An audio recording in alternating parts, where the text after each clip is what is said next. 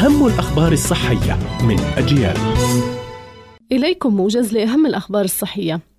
الجريب فروت من الأطعمة الغنية بالعناصر الصحية لكنه يمكن أن يمنع تحلل العديد من المواد الطبية في الكبد ونتيجة لذلك يبقى كثير من المادة الفعالة في الدم وذلك يؤدي إلى ظهور آثار جانبية بالتالي يجب المباعدة بين تناول هذه الفاكهة وبعض العقاقير المخفضة للكوليسترول أو حبوب منع الحمل. زيت الزيتون مليء بمضادات الأكسدة القوية وهي مركبات نشطة بيولوجيا وقد تقلل من خطر الإصابة بأمراض مزمنة كالسرطان.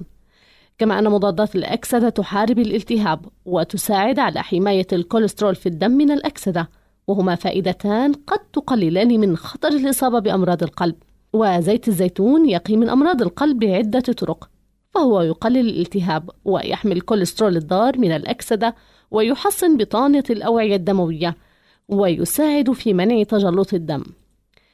الارتجاع المعدي المريء يعني ارتداد حمض المعدة إلى المريء بشكل مستمر ما قد يسبب في حدوث التهاب طويل الأمد وتغيرات وندوب وبين طبيب أطفال ألماني أن أعراض الارتجاع المعدي المرئي لدى الرضع تتمثل في التمدد عند الرضاعة والأرق ونقص الوزن ورفض تناول الطعام.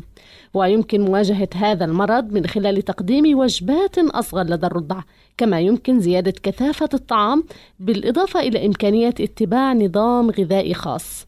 كانت هذه أهم الأخبار الصحية. قرأتها روزانا طه. إلى اللقاء. thank you